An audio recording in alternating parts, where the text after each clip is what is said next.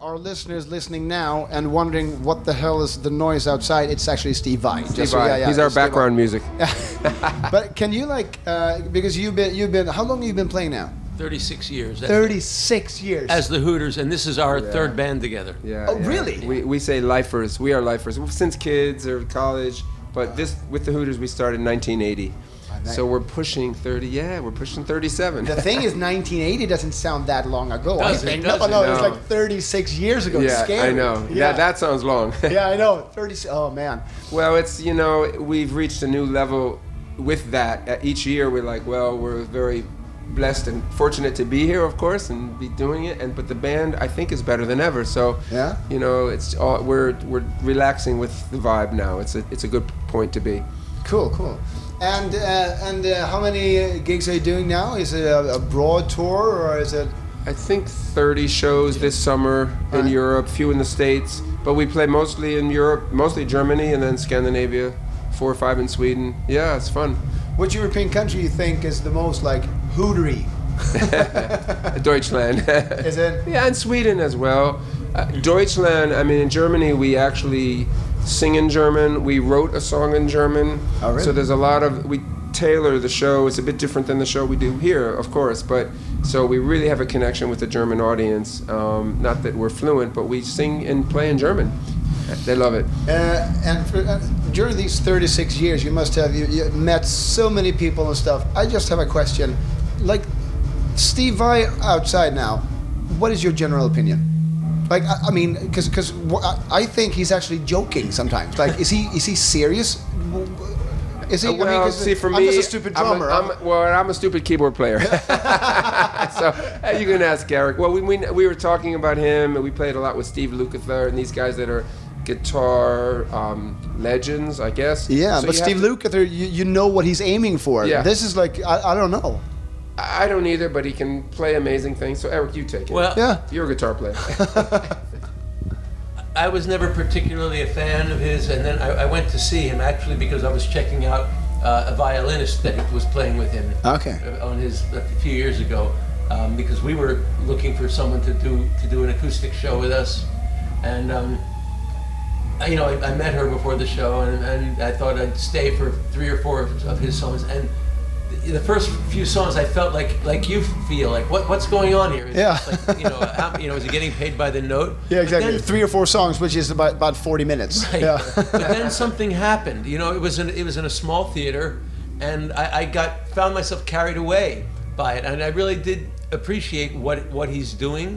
The guy is an absolute master of the instrument. Yeah, I mean, he, and clearly, yeah. and musically he really pushes a lot of boundaries. It's not something I want to sit in my house and listen to.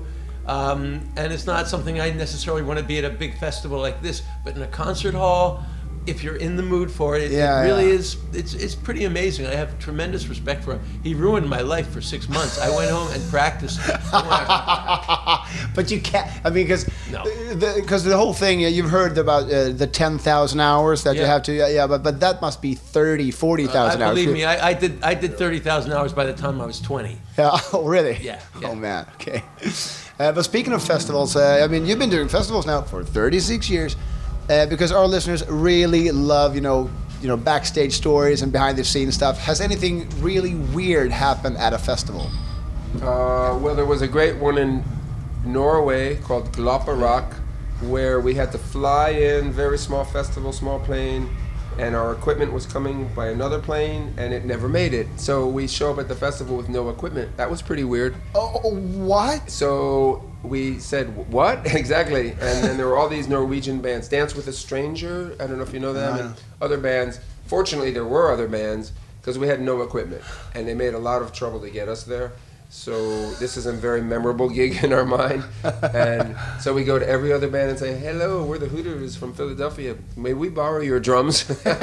and we borrowed from each band equipment and then somehow put together a show and it was out in the countryside beautiful country but no gear for us so that was kind of strange It was like when Lars Ulrich actually, I think he like uh, at one point at a festival just left. I think he was like fighting with uh, James or Yeah. something. We will never leave.